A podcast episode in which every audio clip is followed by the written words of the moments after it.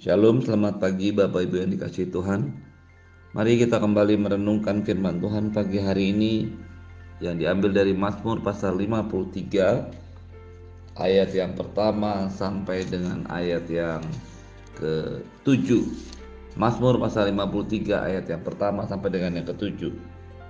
Untuk pemimpin biduan menurut lagu Mahat nyanyian pengajaran Daud Orang bebal berkata dalam hatinya, "Tidak ada Allah."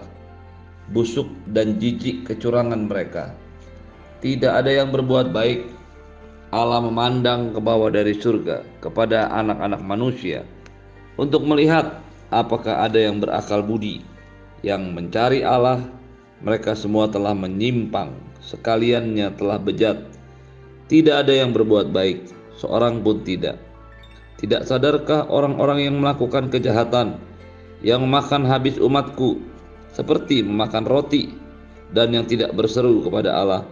Di sanalah mereka ditimpa kekejutan yang besar, padahal tidak ada yang mengejutkan, sebab Allah menghamburkan tulang-tulang para pengepungmu. Mereka akan dipermalukan, sebab Allah telah menolak mereka. Ya, datanglah kiranya dari Sion keselamatan bagi Allah Apabila Allah memulihkan keadaan umatnya, maka Yakub akan bersorak-sorak, Israel akan bersuka cita. Bapak Ibu yang dikasih Tuhan, Mazmur pasal 53 adalah sebuah mazmur yang dikarang oleh Daud menjadi sebuah nyanyian atau lagu pengajaran. Mazmur pasal 53 adalah mazmur yang sebagian kata-katanya pernah dituliskan juga di dalam Mazmur pasal yang ke-14. Penekanan mengapa Daud harus mengulang atau mengarang lagu ini karena dalam kehidupan yang dialami oleh Daud dia melihat ada begitu banyak hal-hal yang terjadi dalam kehidupan manusia dan semuanya itu berawal atau berujung kepada semua kegiatan yang seolah-olah tidak menghargai keberadaan Allah dalam kehidupan ini. Perhatikanlah apa yang dituliskannya dalam ayat yang kedua. Orang bebal berkata dalam hatinya, "Tidak ada Allah." Busuk dan jijik kecurangan mereka. Tidak ada yang berbuat baik. Ini adalah sebuah gambaran bagaimana manusia hidup sehari-hari dengan semua yang dilakukannya. Dosa, hal-hal yang jahat adalah hal-hal yang dilakukan manusia tanpa mereka menyadari bahwa Tuhan melihat semuanya. Mazmur ini mengajar kepada kita bagaimana hancurnya hati nurani manusia ketika Tuhan menciptakan manusia. Sejatinya Tuhan memiliki satu rencana, satu ketetapan untuk menjadikan manusia serupa dan segambar dengan Dia, dengan Tuhan. Ketika manusia diciptakan Tuhan untuk menjadi segambar dan serupa dengan Tuhan, tentu saja tidak ada pemikiran dari Tuhan untuk membuat manusia hidup di dalam dosa. Manusia harus hidup seperti Tuhan, segambar dan serupa dengannya.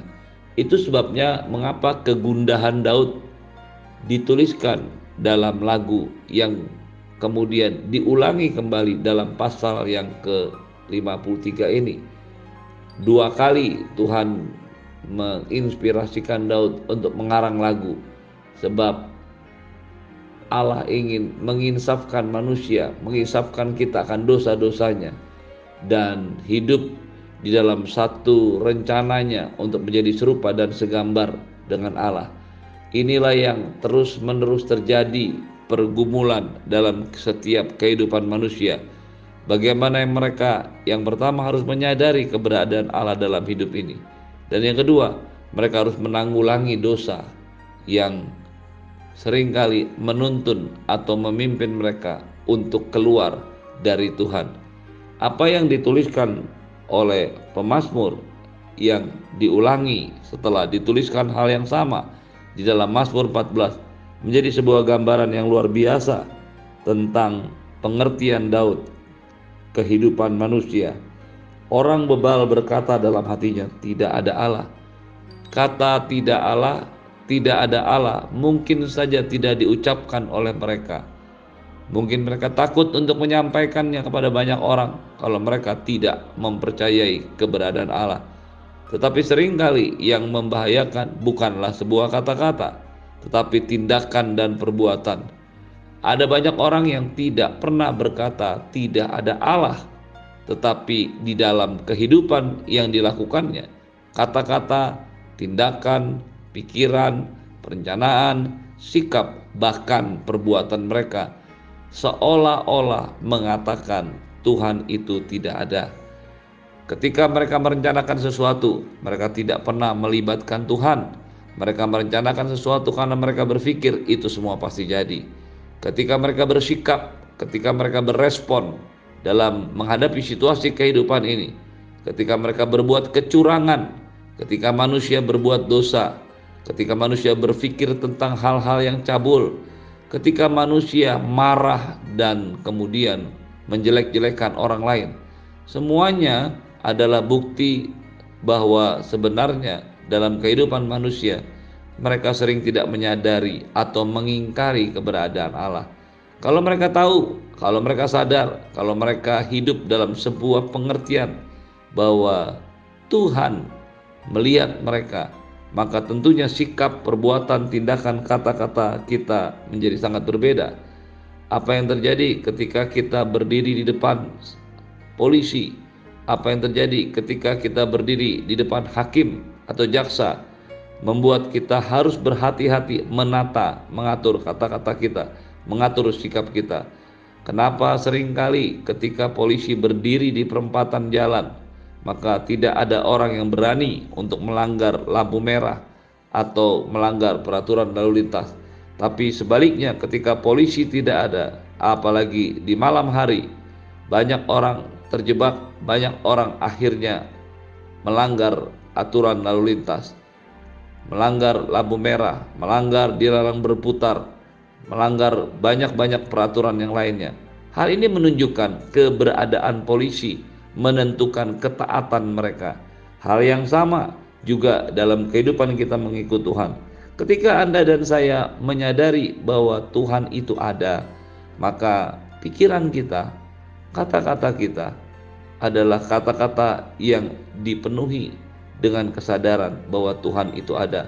Ketika ada orang yang mengecewakan kita dan kita menjadi marah, maka sebenarnya kita sedang mengingkari keberadaan Allah. Ketika kita diajak, didorong untuk berbuat dosa, berpikiran najis, berpikiran cabul, merencanakan yang jahat, maka sebenarnya semuanya sedang mengingkari keberadaan Allah. Beranikah kita melakukan semua itu ketika kita tahu Tuhan bersama-sama dengan kita? Apa yang dituliskan oleh Mazmur menjadi sebuah gambaran selanjutnya bagaimana Allah bersikap memandang semua kehidupan kita. Ayat yang ketiga berkata, Allah memandang ke bawah dari surga kepada anak-anak manusia untuk melihat apakah ada yang berakal budi dan yang mencari Allah kesadaran ketidakberadaan Allah berbanding terbalik dengan kesadaran akan keberadaan Allah. Ketika Anda dan saya menyadari bahwa Allah itu ada, maka Anda dan saya mengerti bahwa Allah tidak pernah tertidur. Allah tidak pernah lalai untuk melihat apa yang Anda dan saya perlukan. Kesadaran ini juga membawa kepada kita sebuah pengertian rohani bahwa Allah yang tidak tidur itu adalah Allah yang juga memandang setiap hal yang kita kerjakan dan lakukan. Allah yang tidak tertidur bukan hanya menjadi sebuah jaminan penyertaan Tuhan dalam hidup kita, tapi Allah yang tidak tertidur juga menjadi sebuah jaminan untuk kita hidup kudus, untuk kita mengasihi Tuhan, untuk kita mengutamakan Tuhan dalam semua yang kita kerjakan. Allah memandang ke bawah dari surga. Kata memandang ke bawah di dalam bahasa Ibrani disebutkan sebagai hiskip. Hiskip adalah akar kata dari sakap. Sakap itu menunjukkan sebuah tindakan orang yang keluar dari dalam rumah menuju ke serambi atau beranda untuk melihat apa yang terjadi di luar. Kata sakap ini yang digunakan untuk menggambarkan bahwa Allah atau Tuhan secara aktif keluar dari tempatnya, keluar dari tempat dia bertahta dalam kerajaan surga untuk melihat apa yang terjadi dengan kita. Sejatinya di dalam kehidupan manusia roh sebagai pribadi roh, maka Allah tidak perlu melihat keluar. Tetapi mengapa digunakan kata sakap untuk menunjukkan sebuah tindakan aktif tindakan sungguh-sungguh yang penuh dengan inisiatif yang dilakukan Tuhan untuk melihat kehidupan kita. Hal ini berarti kita tahu persis bahwa Tuhan sangat-sangat dan sangat memperhatikan hidup kita. Itu sebabnya dikatakan Tuhan memandang ke bawah dari surga kepada anak-anak manusia. Bukan hanya sekedar melihat tapi memandang. Bukan hanya sekedar memandang tapi memperhatikan. Apakah ada yang berakal budi? apakah ada yang mencari Allah? Ketika Anda dan saya berhikmat dan hikmat itu berasal dari takut akan Tuhan dan ketika kita terus mencari Tuhan, maka Tuhan tahu persis apa yang Anda dan saya kerjakan. Orang lain mungkin tidak tahu apa yang Anda dan saya kerjakan. Orang lain mungkin tidak mengerti apa yang Anda dan saya lakukan dalam kehidupan ini. Ketika kita melayani Tuhan, ketika semua orang bahkan mungkin sedang tertidur, Anda dan saya terus melayani Tuhan dan berita baiknya Tuhan memandang dari surga. Tuhan syakap, Tuhan keluar dari tempatnya dan kemudian dia memperhatikan hidup kita. Mereka semua telah menyimpang, sekaliannya telah bejat, tidak ada yang berbuat baik, seorang pun tidak. Tidak sadarkah orang-orang yang melakukan kejahatan yang memakan habis umatku seperti memakan roti dan yang tidak berseru kepada Allah? Ketika orang tidak lagi menganggap Tuhan itu ada atau sedikitnya mereka tahu Tuhan itu ada tetapi Tuhan dalam perspektif dalam pandangan mereka adalah Tuhan yang diam yang tidak mengerti apa-apa dan tidak bertindak apa-apa sehingga mereka tetap tinggal dalam kejahatan mereka tetap tinggal dalam dosa-dosa mereka tetap tinggal dalam semua yang najis yang mereka kerjakan pagi hari ini sadarilah betul bahwa Tuhan itu ada yang kedua, Tuhan itu memandang dari surga. Tuhan sakap, Tuhan memperhatikan dengan sungguh-sungguh. Dia melihat apa yang Anda dan saya lakukan dan kerjakan. Dia melihat apa yang ada dalam pikiran kita. Dia mendengar apa yang kita katakan, baik secara verbal terdengar maupun di dalam hati kita. Ketika kita menyadari bahwa Tuhan itu ada dan Dia memandang kepada kita, Dia sakap kepada kita, maka setiap kita pasti akan berusaha untuk hidup dengan benar di hadapan Tuhan. Ini tidak menghilangkan kasih karunia dan anugerah Tuhan yang Tuhan berikan kepada kita. Keselamatan kita semuanya adalah kasih karunia Allah. Tetapi tanggung jawab Anda dan saya menggenapi rencananya untuk hidup kudus, untuk hidup takut akan Tuhan, untuk hidup seperti segambar dan serupa Tuhan merupakan sebuah tanggung jawab dari setiap kita dengan pertolongan Tuhan, dengan pertolongan Roh Kudus, dengan anugerah keselamatan, kasih karunia yang Tuhan berikan kepada kita. Tuhan Yesus yang ada dalam hati kita membuat kita mampu hidup sakap untuk membuat hidup layak untuk dipandang oleh Tuhan, layak untuk dilihat oleh Tuhan. Dan ketika Tuhan melihat apa yang Anda dan saya kerjakan dalam hidup kita sebagai gambaran sebuah rasa hormat rasa penghargaan kita kepada Tuhan yang didasari oleh pengertian memang Tuhan saya, Tuhan kita memanggil kita untuk hidup benar, untuk memanggil kita hidup dengan kudus, bukan hanya karena sebagai sebuah keharusan, tapi sebuah gambaran bagaimana kasih kita kepada Tuhan dinyatakan dan diungkapkan. Ketika bahkan ada orang-orang yang mencoba mencelakakan umatnya, Tuhan tidak pernah diam. Tuhan telah menolak orang-orang yang mencoba menghancurkan umatnya. Tuhan menyelamatkan umatnya. Ya, datanglah kiranya dari Sion keselamatan bagi Israel. Apabila Tuhan memulihkan keadaan umatnya, maka Yakub akan bersorak-sorak, Israel akan bersuka cita. Pada akhirnya, keselamatan tetaplah dari Tuhan, bukan berdasarkan kekuatan, bukan berdasarkan keahlian, kepintaran, atau modal kita, keselamatan itu adalah dari Tuhan dan ketika Tuhan memulihkan keadaan umatnya maka Yakub gambaran dari semua keseluruhan gereja Tuhan, gambaran dari Israel, sumber segala sesuatu. Umat Tuhan akan bersorak-sorak, Israel akan bersuka cita. Apa yang kita mau simpulkan dari renungan pagi hari ini? Yang pertama, hiduplah dalam kesadaran bahwa memang Tuhan itu ada. Yang kedua, kita menyadari juga bahwa Tuhan memandang dari surga, sakap, memperhatikan sungguh-sungguh apa yang Anda dan saya kerjakan. Ini bukan menjadi sebuah hal yang menakutkan, tapi ini adalah sebuah tindakan yang memastikan Anda dan saya hidup bersama-sama dengan Tuhan.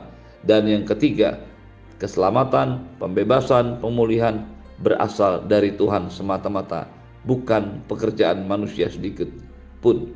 Terimalah berkat yang berlimpah dari Bapa di surga, cinta kasih dari Tuhan Yesus, penyertaan yang sempurna dari Roh Kudus menyertai hidupmu hari ini dan sampai selama-lamanya di dalam nama Tuhan Yesus.